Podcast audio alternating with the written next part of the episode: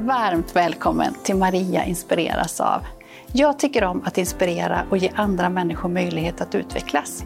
Här så bjuder jag in gäster som jag inspireras av och som jag hoppas och tror att du också inspireras av. Vi samtalar om kommunikation, tillgänglighet, ledarskap, idrott och kultur.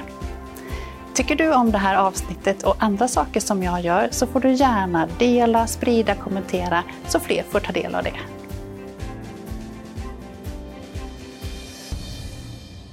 Hej och varmt välkommen! I det här avsnittet så ska vi fortsätta med Sofia som gäst. Vi hade henne förra veckan och eh, blev väldigt inspirerad av hennes sätt och reflektioner framför allt där. Och, men hon också berättade lite om eh, att leva med en synnedsättning och vi berättade om ledarhund och lite andra delar. I det här avsnittet så tänker jag att vi ska fortsätta kring eh, musikterapi och psykodrama och också lyssna lite till eh, Sofia, det uttryck som hon ger i sitt arbete och få höra lite mer om det. Så jag säger varmt välkommen tillbaka Sofia. Tack så mycket. Ja. Det är ju härligt när jag får en gäst som har så mycket att ge så vi kör två avsnitt på raken. ja. ja, men det är kul. Ja, mm. Jag får också passa på nu när du ändå är här ja, på precis. besök så känner jag också. Det är klart. Ja, känns det bra? Ja, det känns bra. Mm, mm. Eh, det kanske finns några eh, som lyssnar och tittar som inte har då hört förra avsnittet så jag tänker ändå att du kan lite kort berätta om, om vem är Sofia? Mm. Eh, jag bor i Örebro och jag, jag jobbar med musikterapi och mm. med psykodrama som är två terapimetoder. Då. Mm. Och eh, jobbar också med som föreläsare och undervisar lite i till exempel punktskrift och så är jag trubadur och så. Och jag bor på landet. Jag är gift. Jag älskar att gå i skogen. Ah. Eh, med min ledarhund. Och ja, gillar att läsa. Mm. Ja.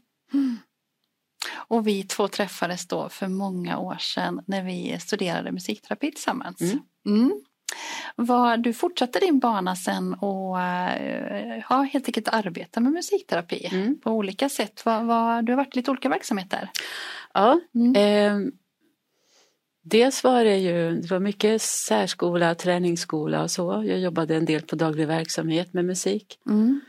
Eh, jag jobbade med gravt hjärnskadade små bebisar och deras familjer. Mm. Eh, jag har jobbat på habiliteringen i Örebro med musikterapi. Mm. Jag jobbat inom, ja, och inom äldreomsorgen. Mm. Eh, ja. Och sen haft egen, jag tar emot eget egna klienter privat. Det gör jag fortfarande i, ganska, i lite mindre skala men jag mm. gör fortfarande det. Mm. Vad tänker du är så fint med musik? Eller varför tycker du att musik är ett bra sätt att mötas? Eh, jag tänker att det är en grej som jag tycker är bra med musik det är att den är, funkar för alla. Mm. Eh, man, man behöver inte kunna spela. Eh, den funkar även om man inte hör musiken, så kan man jobba med vibrationer och sådana här saker. Mm.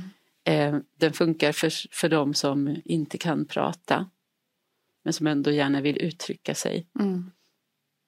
Och bara det att lyssna på musik tillsammans är också jättehäftigt. Ja, för det har du gjort lite mer. Ja. ja. Um, Ja men till exempel eh, till exempel jag, jobbade, jag kommer ihåg att jag jobbade med en person en gång som hade haft en stroke och som inte pratade längre. Och för, honom var det, för en del människor som har fått en stroke så kan det funka att sjunga även om man inte kan prata. Mm. Så var det inte för honom. Och han var ganska nedstämd och så. Han hade med sig, jag bad honom ta med sig musik som han tycker om och så lyssnade vi på den tillsammans. Mm. Och så tog jag med mig musik som jag tyckte om. Och det var så fint att bara sitta rakt upp och ner och lyssna på musik och dela den tillsammans. Ah. Och jag upptäckte då också att han ofta tog med sig musik där folk sjöng på språk som varken han eller jag kunde. Jaha. Och det var så häftigt för efter ett tag så förstod jag att, eller jag tänkte att det han kanske ville förmedla till mig det var, och det jag kunde förmedla till honom när vi lyssnade på musiken, det var att det går att uttrycka sig, vi kan förstå känslorna hos den här personen även om vi inte förstår vad den säger. Mm. Och att det kan bli en ganska häftig känsla. Mm. Um, sen är ju musik är ju så man kan ju liksom inte riktigt värja sig mot musik. Nej. Eh, den kommer så direkt. Det, det, det, alla som har hört en låt som är, det finns ett speciellt minne förknippat med. De vet ju att när du hör samma låt igen så pang så hamnar man tillbaka på Ah. skolavslutningen i nian eller, eller eh, första förälskelsen eller Ah. eh, ja. Så det är liksom det går så direkt liksom. Mm. Mm. Och just det här med musik och minnen är ju någonting man jobbar mycket med i, inom äldreomsorgen. Ja. Mm. Jag, jag har en, eh, jag jobbar med en grupp nu där där vi sjöng vi satte igång och sjunga en, en sån här som man egentligen ska dansa till. En riktigt bussig svärmor vill jag ha, svärmor vill jag ha. Och då, de här damerna som jag jobbar med då, som inte vet vad det är för dag och inte känner igen mig från gång till gång, de började genast berätta om sina svärmödrar. Ah. Och då var det inte bara att de började komma ihåg sina svärmödrar och hur det var och hur mannen var och, hur, ba- och då kom barnen och då var svärmor så. Utan det var också att de började prata med varann och Mm. lyssna på varann. Mm. Och så blev det ett jättefint samtal. Kanske varade fyra, fem minuter. Sen hade de tappat tråden igen. Ja. Men Ja. Det var sången som bara satte igång alltihop det där. Jag behövde inte göra någonting, jag behövde bara sjunga lite. Ah. Så kom det så kunde man. Så det är häftigt på det sättet. Det är verkligen häftigt. Mm. Jag tycker själv också att jag, eh, när jag jobbade på så liknande sätt som du så var jag också inom äldreomsorgen och då kunde också, det här väckte så mycket till att men plötsligt så folk som man inte trodde kunde gå, då, då dansade vi Mm. runt och, och med takt och ton och, eh, och, och glädje. Eh, Så, Mm. att, alltså, det väcker så otroligt mycket som Mm. du säger. Mm. Och minnen som också kunde, man kunde sätta ord på Mm. eller, eller framföra på något annat sätt. Mm. Ja, det är häftigt. Du har ju en eh, egen Youtube-kanal också, Sofia. Mm. Mm. Där du eh, framför sånger på olika sätt och med olika budskap. Mm. Du passar på, tycker jag också, på att, att ta fram musik på, på ett annat sätt också. Det tycker jag är väldigt häftigt. Men för mig är det så att jag, alltså jag sjunger ju, jag gillar ju att sjunga och jag Ah. sjunger ju i jobbet med, Ah. som musikterapeut men jag Mm. sjunger ju också som trubadur och då eh, sjöng jag ganska mycket andras sånger. Jag har alltid gillat sånger med, som jag tycker har angelägna texter. Mm. Men ibland så skriver jag, och, ja, särskilt sen jag började på eh, den här kursen Rim och reson som jag nu går för andra gången. Just det. Ja. Då började jag, fick jag lite verktyg och, skriva, och, och fick tillbaks lusten att skriva egna låtar för det gjorde jag när jag var liten men det hade Ja. jag liksom tappat på. Ja. Och eh, då skriver jag ja, dels bara vardagssaker men ibland så kan jag då bli arg på något eller upprörd över någonting eller så och då Mm. är det ett jätteskönt sätt att skriva en låt om det för då Mm. dels kan man avreagera sig lite Din Men- egen bearbetning. Ja men precis, men sen kan man också eh, Ibland är det ju som att du vet, folk orkar inte läsa men på Facebook, nu har jag varit med om det här igen, nu har jag blivit diskriminerad igen eller nu Mm. har det här hänt eller Mm. nu har jag inte fått det här jobbet för att jag inte ser eller sådär. Mm. Orkar man inte läsa, det blir så jobbigt och tråkigt. Och, men om man gör en låt om det Mm. så kan det på något sätt bli en helt annan grej. Mm. Och man kan få någon annan att lyssna och det går lätt att sprida den och sådär. Mm. Eh, ett eh, ganska högaktuellt ämne som hände nu bara för några veckor sedan var ju när en person på bokmässan skulle föreläsa eh, Mm. och inte kom upp på scenen. Har du hört talas om det? Mm. Mm. Eh, och, och det är ju en del av en sak som du beskriver i en sång som du har skrivit. Mm. Eh, jag tänker att vi ska eh, lyssna på den Mm. musiken och så kan vi prata lite mer om det efteråt. Just det, jag ska bara säga innan Mm. att den handlar inte om just det här tillfället. Nej, Så precis. det- för, för den skrevs för ett år sedan. Men, ja, Nej, men det är bra. Men det Mm. blev liksom, eh, ja, det slog mig igen där. När vi, eh, det här kan ju hända när som helst. ja absolut. Och sången heter Visst får du finnas. Visst får du finnas, precis. Ja, men vi lyssnar på den. Mm. Mm.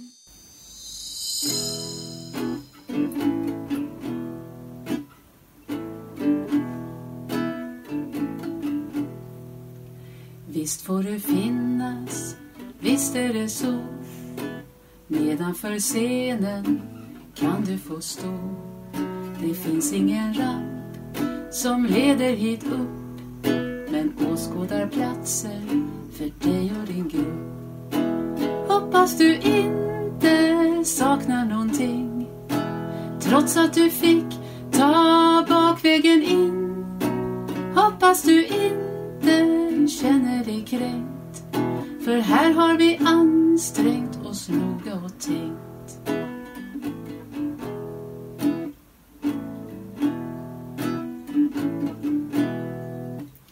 Visst får du finnas, naturligtvis. Men inte till detta hutlösa pris. Vi måste dra in på din assistans. Men du ska väl ändå ingenstans. Hoppas nu bara att du förstår och håller till godo med det du får. På lika villkor är en utopi. Så kommer det aldrig någonsin att bli.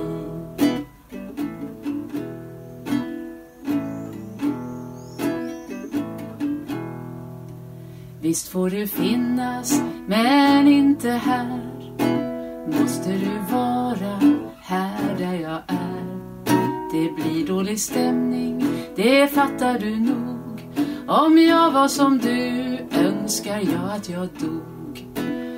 Hoppas nu inte du missförstår mig. Jag respekterar såna som dig. Men det är skillnad, håll med om det.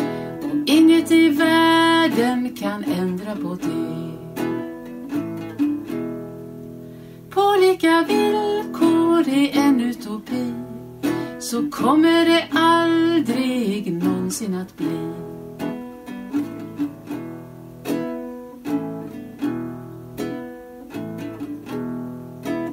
Visst får du finnas, visst är det så. Nedanför scenen kan du få stå. Alltså, eh, det är så mycket i den här sången, Sofia. Mm. Eh, men innan du säger någonting om det så måste jag säga att jag är ju stort fan av din röst. din Tack. sångröst och din talröst. Så. Mm. Eh, eh, jag älskar verkligen den, den är Mm. så himla härligt. Men vad, eh, finns det någon bakgrund till den här Mm. sången? Mm. Eh, det är faktiskt den första och hittills enda sång jag har skrivit på beställning. Ah, Det var stiftelsen Independent Living i Sverige mm. som hörde av sig när de skulle ha sin Almedalsvecka förra året. Tror jag det var. Mm. Då skulle de ha ett seminarium om funkofobi. Och då ville de ha en låt om det. Mhm. Och så frågade de mig om jag kunde, för de hade ju hört att jag skrev låtar och sådär. Mm. Och eh, så tänkte jag, men hur skriver man om funkofobi så att det blir kan man skriva en låt om det? Och då, Ah. och då gjorde jag så att jag satte mig ner och så skrev jag upp allting som folk brukar säga eller som man är med om eller Ah, sådär. ah. Och gjorde en lång radda. Mm. Och sen så skrev jag ihop den här sången då och sen så skickade jag den till dem för jag tänkte så här. Alltså jag på något sätt så, jag var lite osäker på att det är ju lite som att föra någon annans talan. Jag har ju inte assistans och jag har inte, jag inte behöver inte riktigt den sortens service från samhället som, som det här handlar om. Eh, så jag var lite osäker på hu- hur det skulle landa så jag, jag testade den på dem först. Funkar det här? Och de sa ja, det här är jättebra. Mm. Så den var med på deras Almedalsvecka seminarium. Mm. Ehm, och sen så gjorde jag en grej av att sjunga den sådär snällt för det är liksom det blir så effektivt tycker jag när man säger hemska saker men med en snäll röst. Och så är det ganska ofta. Eh, att man Ja, ty, men tyvärr så går det nog inte. Och, det, och så låter folk jättesnälla fast Mm. de kanske säger jag, en gång för länge sedan så sökte jag ett jobb som musikterapeut till exempel. Mm. Och det var ett av mina första jobb jag sökte. Jag har skrivit om på bloggen också. Eh, och eh, när jag hade fått prata en liten stund med den här personen som på anställningsintervjun så sa hon så här.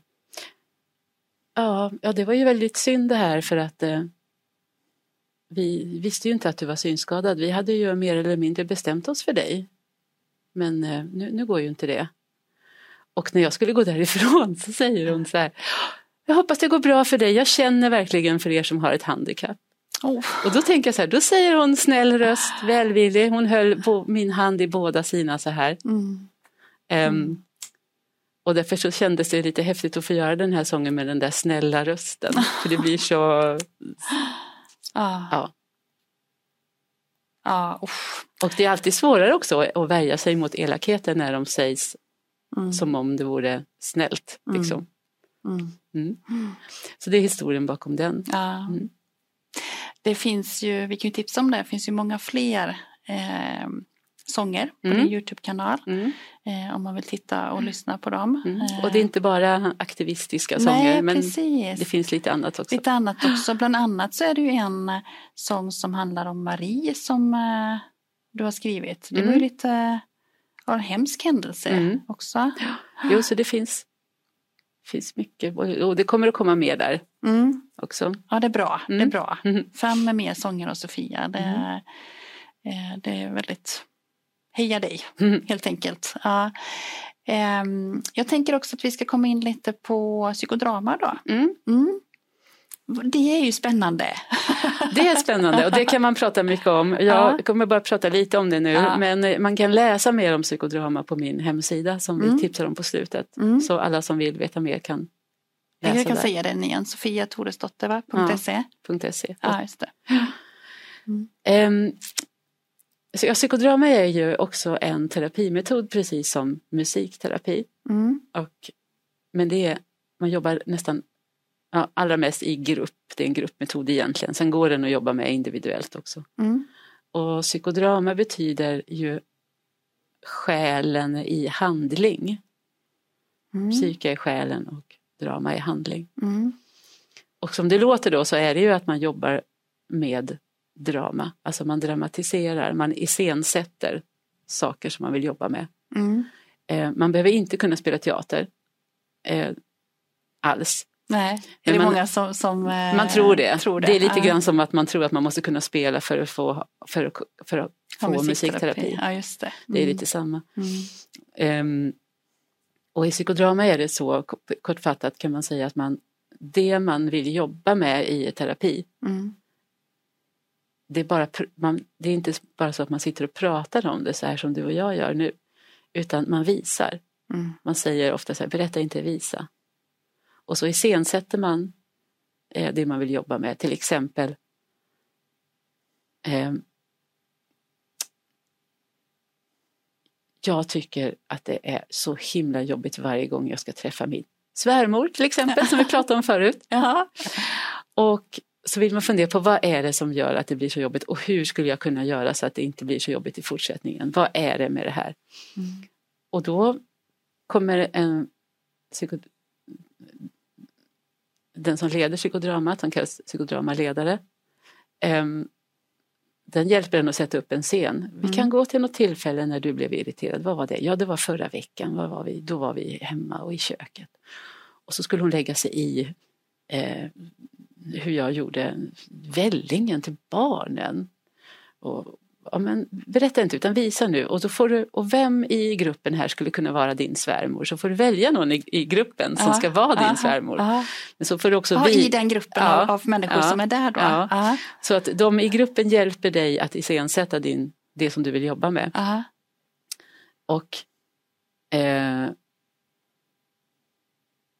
och så kan man då jobba på massa olika sätt. Ett av de viktigaste sätt, verktygen som man har i psykodrama det är Mm. rollbytet. När du, ska vis, vi, när, någon, när du vill att någon ska visa hur din svärmor gjorde måste du ju först visa dig själv. Så du får du bli din svärmor ett tag och så får du visa. Ja. Och du, får bli, du, får byta, du kan byta roll med också med föremål och du kan byta roll med eh, sagofigurer och du kan bli Och då kan det vara så att när du är i roll av din svärmor till exempel Mm. så kan du plötsligt kanske få kontakt med men jag känner mig jätteosäker. Jag blir så osäker när jag träffar min svärdotter. Mm. Och då gör jag så här. Kan du plötsligt få en för... Du ser saker från Ah, olika håll liksom. ah. Eh, Wow, så häftigt. Ja, och, sen, och, och i psykodrama så är det ofta så, först så har man en eh, uppvärmningsfas där man liksom bara eh, kanske gör lite dramaövningar eller så så att man liksom blir uppvärmd och kan så här. Sen gör man själva dramat. Mm. Då, gör man, då iscensätter man kanske det här problemet eller man kan också träna på någonting som man är rädd för att göra. Alltså, jag, nu ska jag på anställningsintervju igen och jag är så nervös. Då får man öva på hur man skulle vilja göra. Hur skulle jag vilja vara Ja. på en kan Ja. testa det liksom. Eller hur, hur ska jag göra om jag faktiskt vill säga till min svärmor att hon inte ska lägga sig i hur jag gör vällingen till mina barn. Aha. Hur ska jag öva på det utan att det blir, får man testa och så här, i en säker miljö. Ja. Men när man har gjort sitt drama som kan vara en ganska praktisk sån här sak men som också kan vara ganska djupt. Varför blir det här jobbigt? Man kanske får ta på det här hände när jag var liten. Det är därför som det här hände. Så det kan vara väldigt djupt men det kan också vara väldigt nästan som pedagogiskt. Liksom. Jaha. Så har man i slutet på psykodramat så har man en, någonting som man kallar för sharing. Då sitter man igen i gruppen i, i, i ring och så får de andra i gruppen, de ska inte recensera dramat som de har varit med på nu, utan de ska berätta vad de själva kan känna igen. Mhm. Ja, när jag var med om en sån här situation så löste vi det så här eller "Ah, jag känner igen det här jätteväl fast det är min chef som jag blir så arg på varje gång som jag träffar honom. Ja. Och då kan, då kan personen som har varit uppe på scenen känna att okej, ja, det är fler än jag som, som vet, som har varit med om det här. Mm.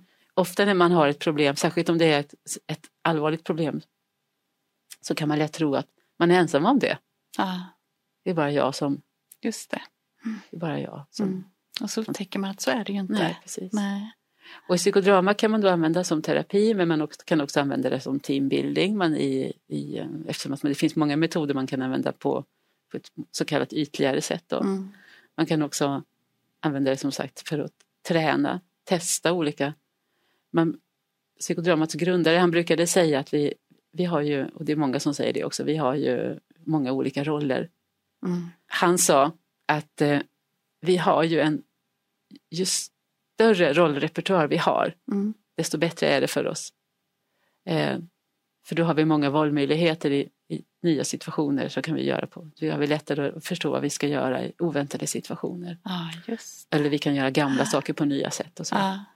och det som ofta händer människor som får problem det är ofta att man har fastnat i någon av rollerna. Mm. Det kan vara, och det kan ofta vara en roll som du kanske inte ens behöver längre. Nej. Du hade användning för den någon gång i livet Mm. men nu är den egentligen behövs den inte längre. Du behöver Nej. inte. Och det blir mer älta. Ja. ja. Och det blir att du fastnar i Mm. mönster och Mm. så här. Just det. Och då kan man få i psykodrama kan man då få hjälp att få tag på lite av sina andra roller och Ja. få kontakt med dem. Ja. Och få tillgång till sina roller.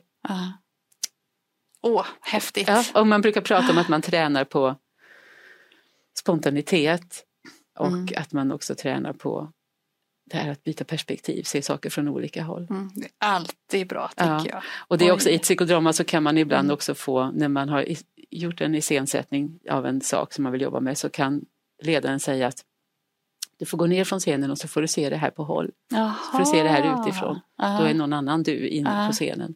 Då kan man plötsligt se, nej men det här är ju inte klokt.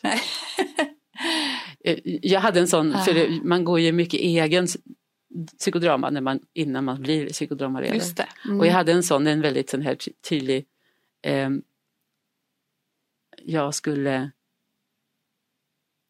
jag kunde inte bestämma vad jag ville göra. Jag ville göra allting som jag kunde göra, Mm. alltså jobba med allting så här.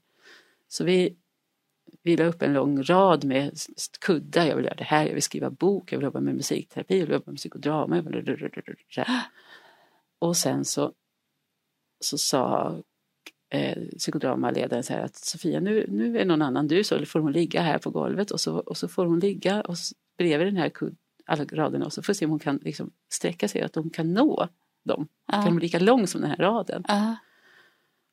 och så fick jag kliva ner från scenen och så fick jag se där. Hon sa, åh, och jag når inte, och det, var, åh, åh, det var så jobbigt och hon nådde inte och det fanns inte en chans att hon skulle kunna hantera alla de där. Och det såg jag ju så himla tydligt utifrån. Liksom. Ja. Så då fick jag kliva in och säga, nej men vi tar bort de här och de här kan man göra sen, det här kan man spara och det här kan man göra en annan gång. Och, Just det. så, så det blev en, det var en, äh, ja, en, ett Istället för att bara sitta och prata om det så blev det så tydligt och det blev ganska kul. I psykodrama så skrattar man väldigt mycket också. Mitt i, man kan skratta mitt i eländet ibland. Mm. Åh, Åh, vad häftigt. Ja. Vad häftigt. Ehm, jag tänker att vi, eh, det här var ju väldigt bra beskrivning kortfattat. Om Mm. man vill hitta lite mer om det här så sa du lite tips som man kunde Mm. läsa också. Men eh, jobbar du med detta nu eller hur? Ja, precis. Just nu har jag ingen psykodramagrupp på gång men annars Nej. så brukar jag ha psykodramagrupper i Örebro. Ja, Eh, man kan eh, på Facebook så finns eh, Svensk psykodramaförenings hemsida mm, mm, där jag är ordförande. mhm. Dit kan man höra av sig så kan, man, kan vi hjälpa till att hitta var det finns eh, andra som jobbar med psykodrama för det Mm. finns på lite olika ställen Mm, i Sverige. mm. Så det är bara att höra av sig. Eller om man vill veta mer. Ja, just det. Just det. Ah, wow, Sofia, det här är ju så spännande. Mm. Det här är ju jättespännande, både musikterapi och det här med Oj. psykodrama. Ja, Det skulle jag säga också när Mm. jag jobbar med, Mm. med psykodrama så Mm. använder jag mig också av en del musikterapi. ja i det. Och jag Mm, blandar det ofta så att vi, Mm. och också lite skrivande och sådär. just det. Det är fortfarande så att det inte krävs några förkunskaper i något Mm. av det. Nej. Men jag använder mycket utav de här kreativa metoderna. Ja, mycket kreativt i dig. Mm. Ja. Du, den här vodden och podden heter Maria inspireras av. Mm. Och du är inbjuden för att jag inspireras mycket utav dig. Mm. Och bland annat av det här arbetet som du beskrivit i det här avsnittet också. Mm. Vad inspireras du av, Sofia? Mm.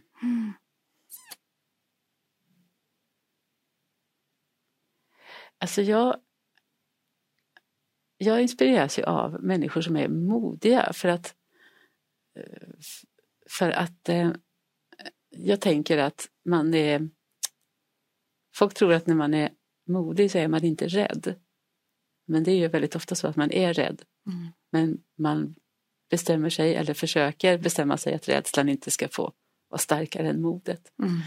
Och just nu är jag väldigt fascinerad över olika aktivister av olika sätt. Mm. Även dels miljöaktivister som protesterar på olika sätt. Och funkisaktivister som vi säger då, Mm. som protesterar ja, som det här att man inte kan att man inte tänk, tänker på att en som, någon som ska tala och som använder rullstol antagligen behöver komma upp, kunna komma upp på scenen. Ja. Och sådär. Ja. Och jag har överhuvudtaget människor som inte bara går hemma och är arga utan gör någonting. Mm. Och jag, framför allt så inspireras jag tror jag av människor som gör någonting som de egentligen innerst inne är rädda för att Ja. göra. Eh, för då är man ju ännu modigare egentligen. Ja, verkligen. Mm. Och fin beskrivning av Mhm. mod och rädsla där Mm. också. Så här. Eh, och jag älskar dina pauser också Sofia. Mhm. Ja men det är verkligen så här lugn och eh, reflekterande. Mm. Mm, mm. Eh, om man nu eh, vill hit- hitta lite mer, du har ju också lite föreställningar Mm. som du eh, gör, vad heter de? Jag har två musikföreställningar. Den Mm. ena handlar om bemötande och, och så Mm. och kan funka jättebra på mm, ja, till personal till exempel på föreläsningar och konferenser och sånt där. Den heter Jag har aldrig träffat någon som du. Ja. Det säger folk ofta till mig och då brukar jag svara jag har aldrig träffat någon som du heller. Nej. Men eh, den heter Jag har aldrig träffat någon som du. Den bygger mycket på min texter från min bok Granne eller UFO. Just det, den ska vi visa här Som också. Maria visar nu Mm, gissar mm. jag på. Precis. Ja. Mm. Eh, sen har jag en annan föreställning som heter Barnatro. Eh, Barnatro också. Ja. Ja. Den handlar lite mera om den bygger på självbiografiska texter som jag själv har skrivit. Som Mm. inte är utgivna än, men som jag använder mycket. Eh, och den handlar mycket om barn och tro och om att tro på barn och om att tro på sig själv. Mm. Eh, och båda de föreställningarna finns det mer om material om på min hemsida. Just det. Och då hittar man din hemsida, den heter? Den heter sofiatoresdotter.se. Ja. Mm. Och där kommer man i kontakt med dig om man vill mm. veta mer om de här föreställningarna också. Mm. mm. Jättefint, så roligt att du var här Sofia. Mm. Eh, stort och varmt tack för det här samtalet. Tack så mycket för att jag fick komma. Mm, tack. Så fint att samtala med Sofia. Så intressant det hon berättar om både musikterapi och psykodrama. Jag tror att vi är många som skulle ha stöd av båda dessa sätt att utveckla oss själva med. Och visst har Sofia en fantastisk sångröst. Nästa vecka så kommer ett nytt avsnitt med en ny gäst. Om du vill veta när det publiceras så får du gärna prenumerera på mina kanaler och jag blir glad om du hjälper till att sprida det här avsnittet så att fler kan få ta del av Sofias kloka tankar. Ha en fin vecka så ses vi snart igen.